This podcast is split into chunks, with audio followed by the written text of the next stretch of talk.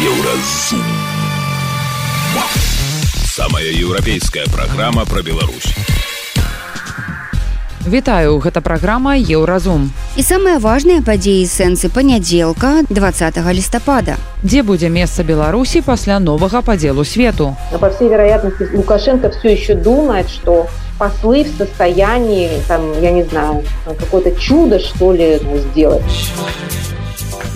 Ездзіць у Беларусь, маючы польскую гуманітарную візу. Гэта Окей. Такія пытанні, безумоўна, могуць паўстаць, а чым вы там часта ездзілі і так далей. Ці абароняць Лукашэнку беларускія паляўнічыя. Траўма, атрыманая ў двадцатым годзе, яна такая вялікая, што даводзіцца разлічваць на падтрымку ўсё новых і новых нейкіх структур нават от такіх на палову грамадскіх. Пра гэта ды іншае больш падрабязна цягам бліжэйшай гадзіны. Еўразум жыві ў рытме Еўропы. Міністр эканомікі Беларусі Александр Чарвякоў больш не міністр эканомікі. Ён з'язджае ў Кітай як амбасадар нашай краіны. Так у Лукашэнкі бывае часта. Міністры становяцца амбасадарамі, кіраўнікамі аблвыканкамаў ці прадпрыемстваў. Аднак Александру Чарвякову пашанцавала, бо па-першае, ён едзе ў Кітай і едзе ў Кіtaі ў цікавы час пасля сустрэчы лідара гэтай краіны сідзеньпіня з прэзідэнтам ЗША Джо Байденам. Кіраўнікі двух геапалітычных палітычных гігантаў не сустракаліся 6 гадоў. За гэты час адносіны ЗША і Китая сталі зусім кепскімі. І вось святло напрыканцы туннеля. Байден і Сі могуць у любы момант набраць адно аднаго па тэлефоне, а СМі пішуць пра пацяпленне адносін і пра новы перадзел свету.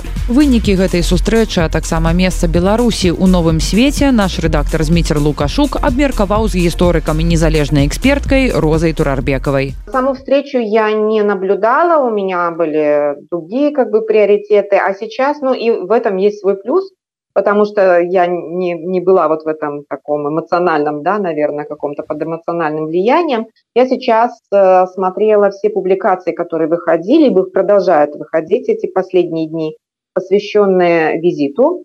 А, и сразу видно, что, например, э, те издания, я имею в виду только западные, конечно, издания, те издания, которые в большей степени, да, у них повестки бизнес, а у них такое очень оптимистичное восприятие этой встречи, а, они а, вот от этого, от этой нормализации, как сейчас об этом говорят, от этой нормализации ждут многого, им нужен был вот этот, видимо, по всей вероятности какой-то сигнал, что, ну, э, этот, э, как бы уровень напряженности, по крайней мере, спадает. А вот. Что касается политических э, таких изданий, которые анализируют в первую очередь политику, там более такой взвешенный, осторожный анализ, хотя, в принципе, все отмечают одно, одно и то же. Да? То есть, в первую очередь, это установление, снова восстановление или установление коммуникации, стратегической коммуникации между лично, да, персонально Си Цзиньпинем и Джо Байденом, восстановление э, коммуникации между военными, на случай, на экстренные случаи, на случай инцидентов, да, а, вот, это, это самое, наверное, главное завоевание вот этой встречи. Второе, это то, что э, связано с тем, что они нашли какие-то все-таки, наконец, точки соприкосновения, которых, от которых они будут отталкиваться и которые будут э, как бы способствовать нормализации отношений. Но основные вопросы, которые всегда были камнем преткновения, между США и Китаем пока остаются таковыми, э, конфликтными. Я имею в виду в первую очередь проблему Тайваня. Вот. И э, в этой и там э, технологические, конечно, вопросы, все, что связано с запретом а, экспорта, прямого запрета экспорта передовых технологий американских э, в Китай, а, какие-то определенные их, как бы, как это сказать, а, противоречия относительно тоже технологического использования, более такого глубокого использования искусственного интеллекта в военных целях, здесь они не достигли, и никто и не ожидал, э, как бы, что они достигнут здесь договоренности. Ну и плюс различия, конечно, в политических системах было еще раз подчеркнуто Джо Байденом, когда он снова Си Цзиньпиня а, назвал диктатором. Но при этом сделал определенные какие-то там оговорки, что это является логическим следствием той системы, которая там выстроена, но тем не менее он все равно сказал это слово опять диктатор. А вот. Но китайцы, по крайней мере, в этот раз не реагировали так бурно и остро, как это произошло в первый раз.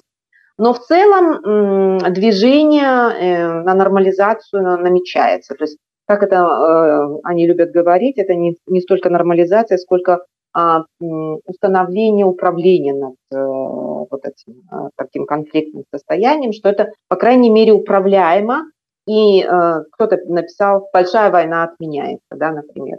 Ну вот, наверное, так можно сказать. Что касается наркотических этих самых прекурсоров, там были там достижения. Американцев это всерьез волнует. Там китайцы сделали жест доброй воли там относительно контроля, но китайцы, ой, американцы еще это будут проверять. А Хамас и Украина тоже присутствовали в их э, дискуссии. Не смогла найти нигде нормальной информации, о чем же все-таки по Украине они договорились. А вот э, по поводу Хамас более или менее ясность есть.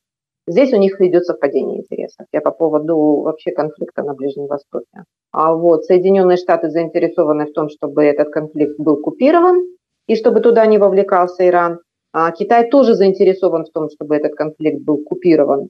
А вот и поэтому они, видимо, все-таки попробуют повлиять на Иран потому что для Китая очень важно, чтобы э, вот эти вот э, пути торговые, они продолжали функционировать, и чтобы э, Персидский залив, и Красное море, и Суэцкий канал работали бесперебойно. Працягваем размову з розай турарбекавай вы добрую такую фразу прыгадалі про тое что э, хтосьці сказаў что вялікая вайна пакуль что откладается там не адмяняется но откладывается А я еще прочытаў что гэта прыкмета того что набліжается новый перадел свету паміж вось двумя гэтымі лідарамі. Калі ўсё ж таки допустить что новый перадел свету А там же вот лукашенко ўсё спрабуе до китайского цягніка прычапіцца то якая якое месца Беларусі у гэтым новым пераделе свету магчымая знаете, этот передел мира или передел да, свету, он все-таки не будет таким, каким мы знали раньше. То есть вот буквально да, сфера влияния, территориальная, там Берлинская стена буквально обозначает территории разделенные, да, вот прямо по земле и по морю, это все видно. Я думаю, что сейчас все как раз гораздо сложнее, потому что Соединенные Штаты и Китай взаимосвязаны экономически и финансово вот так. То есть разделить буквально вот так не получается. По всей вероятности им при, приход, будет, придется изобретать какие-то вот эти формулы разделения.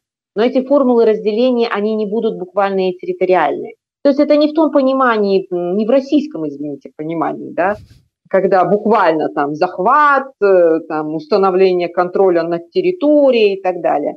Э, ну, это все участь как бы стран, э, которые остались еще там в 19-20 веке. Китай все-таки США – это державы уже 21 века. И делить они, видите, что они делят? Они делят не территории, а технологии. Они там делят не, э, я не знаю, там как-то там не моря, да, а использование искусственного интеллекта. Они стали сейчас на путь э, выработки каких-то ограничений и, раз, э, и размежеваний вот здесь, в таких сферах. Это не территория, это, это другой порядок вообще, как бы разделение сфер влияния, да условно говоря. Единственная территория, которая может действительно стать проблемой и причиной горячей войны, это, конечно, вот э, то, о чем мы с вами говорили, Тайвань. Э, Лукашенко и Китай. Э, я буквально недавно снова еще раз консультировалась с нашими китаистами, которые, ну, они не публичные эксперты, но очень хорошие эксперты. И я еще раз задавала этот вопрос. Меня все равно этот вопрос беспокоит относительно того, почему Лукашенко все-таки не попал в Пекин на этот форум «Пояс и путь». Сейчас прошло время, уже все стали об этом забывать, и, но тем не менее, вот для меня, как для человека, который анализирует эту ситуацию, это остается загадкой. И как бы мне хотелось бы услышать э, предположение более или менее правдоподобное. Так вот, одним из самых таких правдоподобных э, объяснений э, является то, что Лукашенко все-таки получил китайское предупреждение. Предупреждение относительно того, что его действия на границе с Европейским Союзом не воспринимаются положительно. А, по всей вероятности, он пообещал нормализацию отношений, вернее, нормализацию ситуации на границе, когда он был в начале 23 года в Пекине с официальным визитом, и он это свое обещание не выполнил. И по всей вероятности с этим связано вот это вот достаточно грубое напоминание. Потому что по китайским меркам это весьма грубое напоминание о том, что он не сделал выполненное обещание, и что если он этого не сделает, то есть и далее будет такая ситуация развиваться а, в таком русле. И в этой связи очень интересно, почему сейчас именно назначили министра экономики, то есть, вернее, его сняли, да, а, а, и отправили послом в Китай. Но, по всей вероятности, Лукашенко все еще думает, что послы в состоянии, там, я не знаю, какое-то чудо, что ли, там, сделать, сотворить, а, вот, и смягчить ту ситуацию, в которой он, собственно говоря, сам и виноват. Но никто, кроме Лукашенко, в этой ситуации не был виноват, и никому, кроме Лукашенко, по крайней мере, в ближайшие месяцы, полгода, не удастся эту ситуацию урегулировать. Китай, э, в принципе, э, заинтересован в том, чтобы э, ситуация на границе оставалась стабильной и грузы шли. И все, что связано с дестабилизацией границы, вне зависимости от того, является ли какая из этих сторон является виновата. Ну, я думаю, китайские аналитики пишут, кто в данной ситуации виноват. Ну, собственно говоря, вот. Поэтому куда он там собирается запрыгивать, в какой вагон? Мне кажется, его сейчас активно из этого вагона выталкивают, даже из этого вагона атрымліваецца что на прызначэнне чарвякова уже фактычна былога міністра эканомікі послом у Кітай гэта ну с пункту гледжання Китая гэта як ну такая ссылка а с пункту гледжання Беларусі Ну это ж не может быть ссылкой бо Китаю в прыоритетах. Да, да, я хочу сказать, что быть послом в Китае в белорусской, так скажем, иерархии, да, там, назначений, а является, в общем и целом, серьезным назначением. Ну и да, я думаю, что для Червякова это в определенном смысле повышение, потому что э, это хорошая возможность и хороший трамплин. Ну, смотря как он себя сможет показать, потому что э, э, для Лукашенко важнее иметь хорошего посла на месте, нежели чем плохого министра на месте. Да? О, вернее, хорошего посла там, нежели чем плохого министра на месте. А вот, поэтому, да, для Червякова это повышение. Но э, Китай дал агриман, ну, согласие свое на назначение Червякову. За Червяковым не идет какой-то там флер, знаете, там подавление, участие в кризисе, там, в избиениях демонстрантов. А вот. Ну, это, с одной стороны, еще и сигнал со стороны Минска, что мы вот хотим с вами дальше развивать экономические отношения, видите, какого мы человека вам присылаем. Я думаю, это, это, все, э, это все, извините меня за выражение, по-простому скажу, мертвому припарка. Вначале надо изменить поведение самого Лукашенко. Гэта была паліталагіня Роза Турарбекова. Яна пракаментавала прызначэнне на пасаду амбасадара Беларусі ў Кіаі міністра эканомікі і падвяла вынікі сустрэчы байдена і ціньпіня. Еўразум Беларусь у еўрапейскім фокусе. Далей у праграме еўразум. Ездзіць у Беларусь, маючы польскую гуманітарную візу. Гэта Окей. Такія пытанні, безумоўна, могуць паўстаць, а чым вы там часта ездзілі і так далей. Ці абароняць лукашэнку беларускія паляўнічыя. Траўма, атрыманая ў двадцатым годзе яна такая вялікая, што даводзіцца разлічваць на падтрымку ўсё новых і новых нейкіх структур нават от таких на палову грамадскіх. Сустрэнемся пасля навінаў спорту.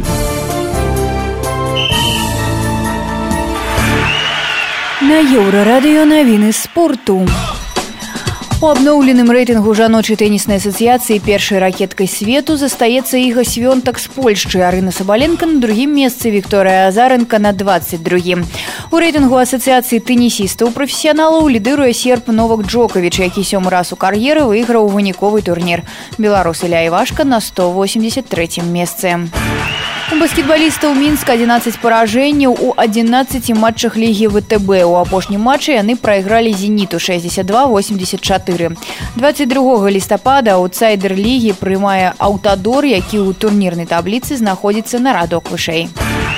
У чэмпіянаце беларусі па міні-футболе упэўнена лідыруе сталіца ў яе 25 ачкоў. У апошнім туры яна разграміла ахову дынама 92 врз і вітэн адстаюць ад лідара на чатыры ачкі. у беларускі хакеіст ягор шарангович закінуў сваю трэцюю шайбу ў сезоне за калгары і рэалізаваў пасля матчавы буліт. Аднак яго каманду матчы чэмпіянату нхл прайграла айлендерсу 45 міжнародная федэрацыя коннага спорту вырашыла дапусціць беларускіх і расійскіх вершнікаў да міжнародных спаборніцтваў.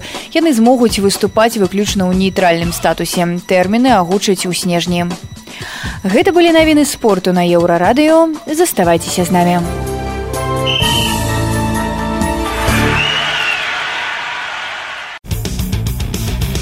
Еўразум жыві ў рытме Еўропы.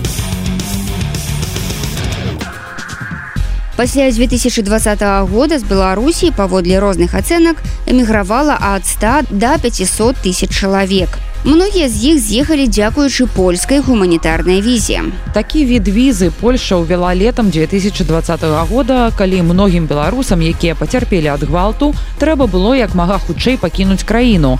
Каб яе атрымаць, трэба было прадаставіць доказы таго, што ў Беларусі для чалавека існуе пагроза. Акрамя таго, лічылася, што атрыманне такой візы гэта квіток у адзін канец. Маўляў, зваротнай дарогі ў Беларусь ужо не будзе. Аднак гэта не зусім так. У Беларус беларускіх эмігранцкіх супольнасцях часта ўзнікаюць спрэчкі і сваркі наконт гуманітарных віз. Іх уладальнікам прад'яўляюць прэтэнзіі ў тым што яны часцяком ездзяць туды-сюды. Многія асцерагаюцца што гэты факт можа выклікаць раздражненне польскіх уладаў і выдачу гуманітарных віз спыняць альбо як мінімум скароцяць. Еўрарадыё запыталася у экспертаў ці этычна выкарыстоўваць гуманітарную візу для паездак у польшу. Калі беларусу нічога не пагражае у унутры краіны. Паслухаем наш рэпартаж. Дмітрый пераехаў у Польшу трохі больш за год таму. Кажа, аформіў гуманітарную візу пры дапамозе агенства, якое браніравала вольную дату ў візавым цэнтры. Выбраў гэты тып візы, бо яе было прасцей за ўсё атрымаць. Напрыклад, каб зрабіць рабочую, неабходна было запрашэнне ад працадаўцы. Турыстычныя, як правіла, выдаюць на адну паездку. Таму абраў гуманітарную. Хай доказаў рэпрэсій датычна мяне не было. Візу мне ўсё ж такі адкрылі. У першы раз я перасек не польскую, а літоўскую мяжу, з'ездзіў вільню і ў гэты ж дзень вярнуўся ў Беларусь, а праз нейкі час з'ехаў Польшчу. Пасля пераезду я каля паўгода шмат працаваў, але потым мне спатрэбілася зноў з'ездзіць у Беларусь. На мяжы і туды і назад пытанняў мне не задавалі, на дагляд не выклікалі. Польскія памежнікі таксама паставіліся больш, чым спакойна. Нягледзячы на тое, што многіх сапраўды хвалюе пытанне немэтавага выкарыстання гуманітарнай візы беларусамі, польскі журналіст Вітольд Юраш не бачыць у гэтым сур'ёзнай праблемы. Другой возможности нету людям-то надо помогать. Э, то есть э, в Беларуси сегодня э, ну, ситуация вообще, этот режим уже, говоря, крыша поехала полностью. Ну нельзя из-за вот отдельных случаев э, менять вот той политики, которая есть. Притом я не думаю, что это большое количество. У нас то, в общем-то, э, украинцев намного ну, больше, э, и там тоже есть разные случаи, ну и ну, ну, опять же, ну и что? Э, помогать-то надо. Другой возможности нету. Па словах адваката Алеся Михалевича, да чалавека не могуць ужываць якія-небудзь санкцыі, калі ён выкарыстоўвае дадзены тып візы не па прызначэнні.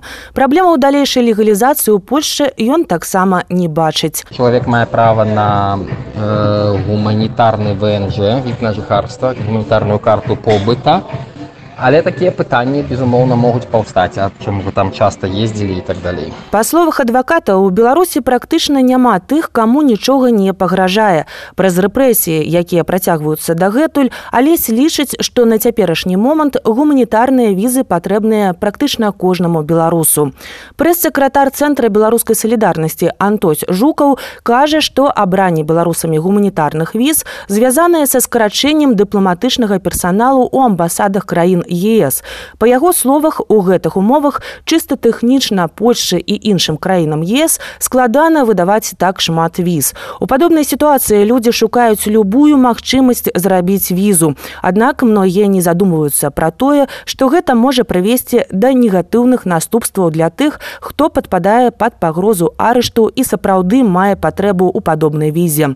Па дадзеных ЦБС у перыяд ад 10 жніўня 2020 до 30 чэрвеня 2020 2023 года мзс польшчы выдала грамадзянам беларусі 52 436 гуманітарных віз колькі беларусаў з гэтага ліку засталося за мяжой і не вярнулася дакладна невядома інфармацыйная служба еўрарадыё Еўразум. Беларусь у еўрапейскім фокусе. Далей у праграме Еўразум.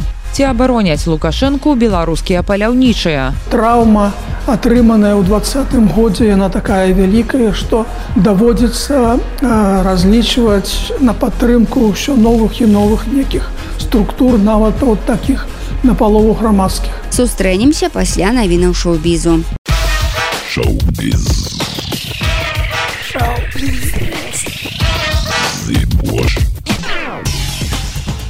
Вітаю гэта навіны шоу-бізу. Муз Расіі абвясціла ў вышук украінскую спявачку Джамалу. Звесткі пра гэта з'явіліся ў базе ведомства.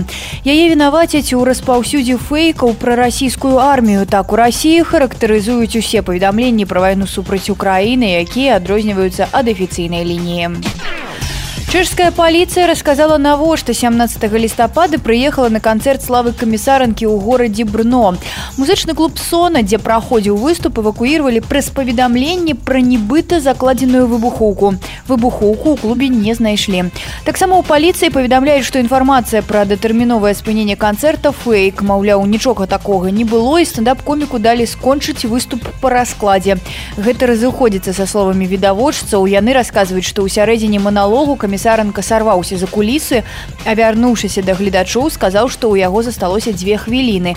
І перайшоў з гісторыі якую распавядаў на кароткі фінальны жарт. Версія паліцыі не выглядае лагічнай. Калі верыць праваахоўнікам яны спакойна стаялі і чакалі калі комік скончыць выступаць у замініраваным клубе. Звычайна ў выпадку паведамленняў пра закладзеную выбухоўку людзей з будынка эвакуююць Ремейк фільма містер і місіс Сміт выйдзе ў лютым 2024 гэта будзе серыял з 8 эпізодаў. Прэм'ера серыяла містер і місіс Сміт выйдзе на платформе prime відео 2 лютага 2024 усе 8 серый з'явяцца адразу.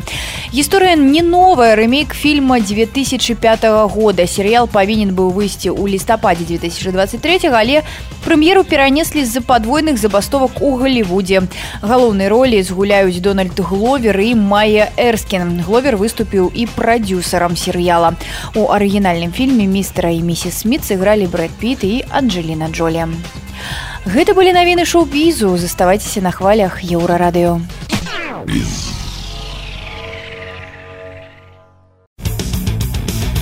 Еўразум. Жыві ў рытме Еўропы.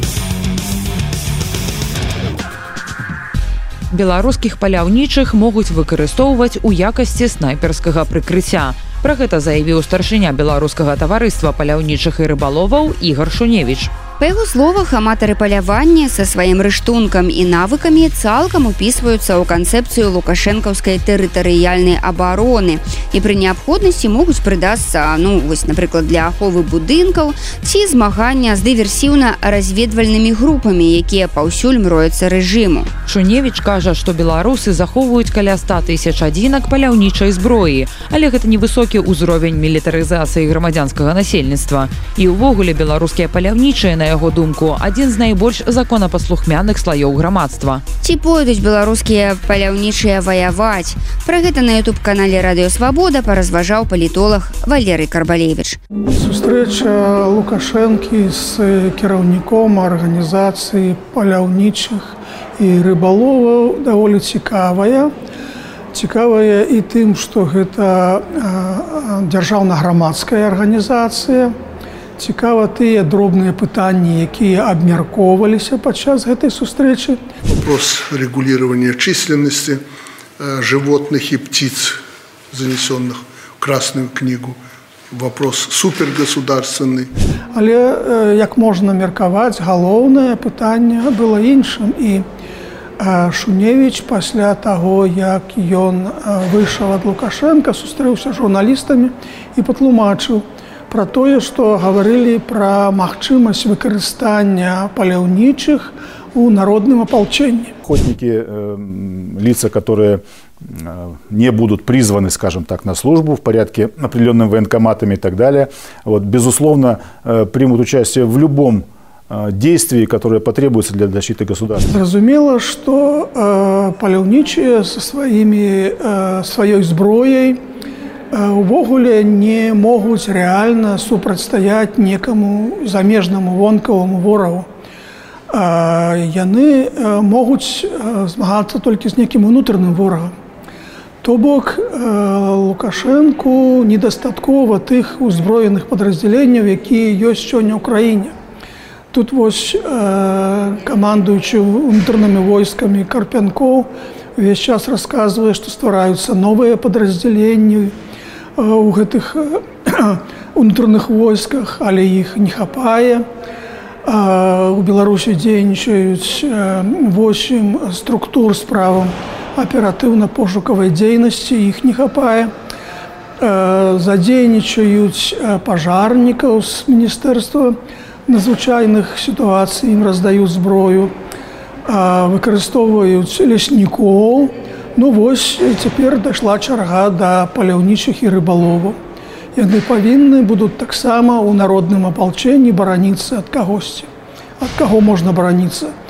Ну ад нейкіх унутраных ворагаў, ад нейкіх народных пратэстаў, ад нейкіх праціўнікаў дзейнай улады. Ну вось гэта цікавы кейс, цікавы кейс тым, што э, траўма, атрыманая ў двадцатым годзе яна такая вялікая што даводзіцца разлічваць на падтрымку ўсё новых і новых нейкіх структур нават вот таких на палову грамадскіх вы последнее время опять в топе новостей. Что тычыцца асоба ігора шуневича то ён падчас знаходжання на пасту міністра ўнутраных спраў ён там здаецца цэлых 5 гадоў быў А ён спрабаваў гуляць у роль публічнага палітыка. Ён змагаўся з ЛГБТ, Ён адзяваў форму камісара ўнутраных войскаў сталінскіх часоў. Ён каментаваў розныя рэчы, асабіна дзіўна было змаганне з тымі, хто пасягаў на помнік мінскага гарадавога каля будынка міністэрства ўнутраных спраў. Ну і цяпер я так разумею, што вось эта роля публічнага палітыка яму даспадобы і таму ён з вялікім задавальненнем распавядаў пра тое, як, як паляўнічыя будуць э, з кімсьці змагацца падчас некага канфлікту ўзброенага. Траму 2020 года Лукашенко залечвае по-рознаму, не толькі павялічваючы ў краіне колькасць сілавых падраздзяленняў, якія мусяць калі што яго абараніць, яшчэ ператрахваючы ўласных алігархаў і чыноўнікаў на прадмет карупцыі. Гэтым разам пад раздачу патрапіў кіраўнік паспяховага малочнага прадпрыемства бабушкіна крынка геннадь скітаў як высветліла наша ніва у 90е бацька скітава а яго сапраўднае прозвішча элькінд аплаціў перадвыбарчую кампанію лукашэнкі сын пасля гэтага хутка падняўся па кар'ернай лесвіцы але як бачым скаціцца з яе ў беларусі гэтак жа проста як і падняцца працягвае валерый карбалевич года два мы работали да. с бандами этими да. их 26 человек задержано, а на данный момент 15 арестовано. Арестованы. Смотрите, чтобы не разбежались.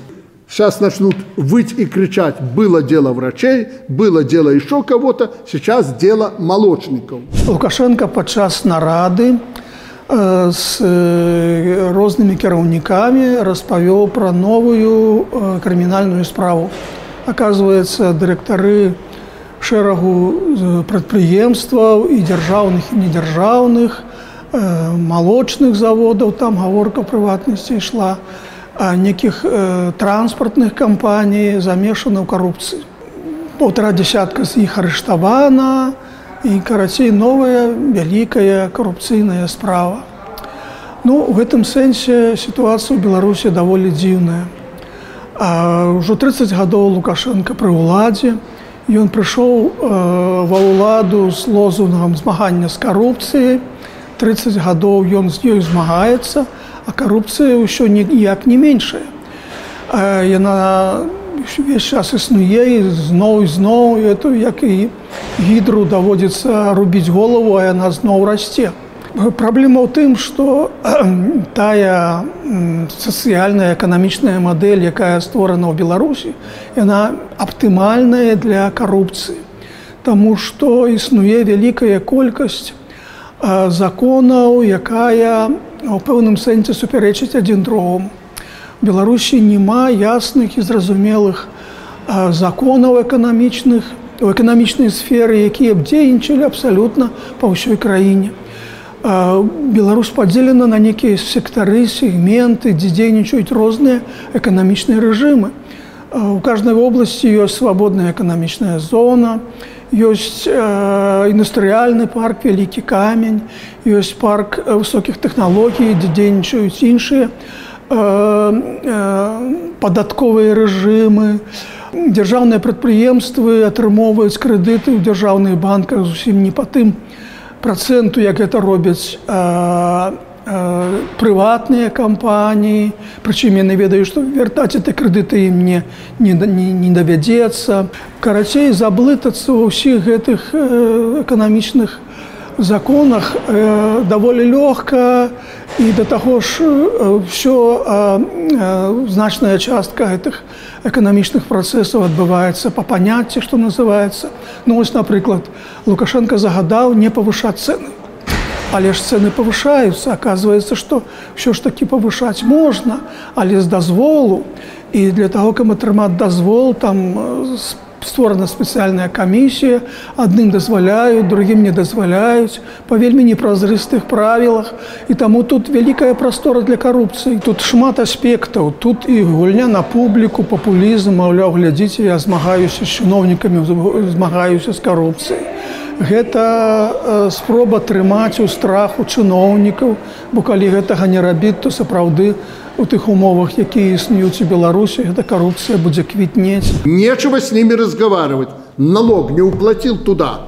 Ну гэта рэальная э, спроба барацьбы з карупцыяй. Бо лукашенко лічыць что э, украіне один гаспадар.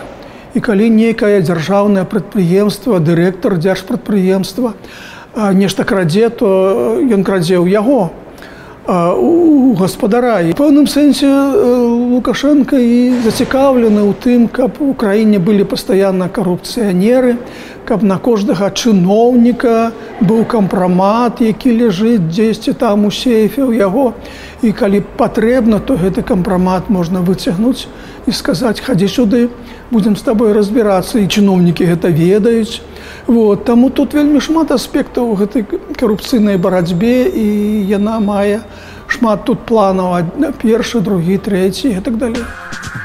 Палітолог Валерый Карбалевич распавёў пра прычыны справы малочнікаў і падлумачыў, навошта з паляўнічых хочуць зрабіць тэрабарону лукашэнкі. Еўразум. Беларусь у еўрапейскім фокусе. Гэта была праграма Еўразум, штодзённы інфармацыйны падкаст еўрарадыё. Кожны дзень мы распавядаем пра галоўныя навіны Беларусі і свету. А сённяшні выпуск скончаны. Беражыце сябе. Пачуемся.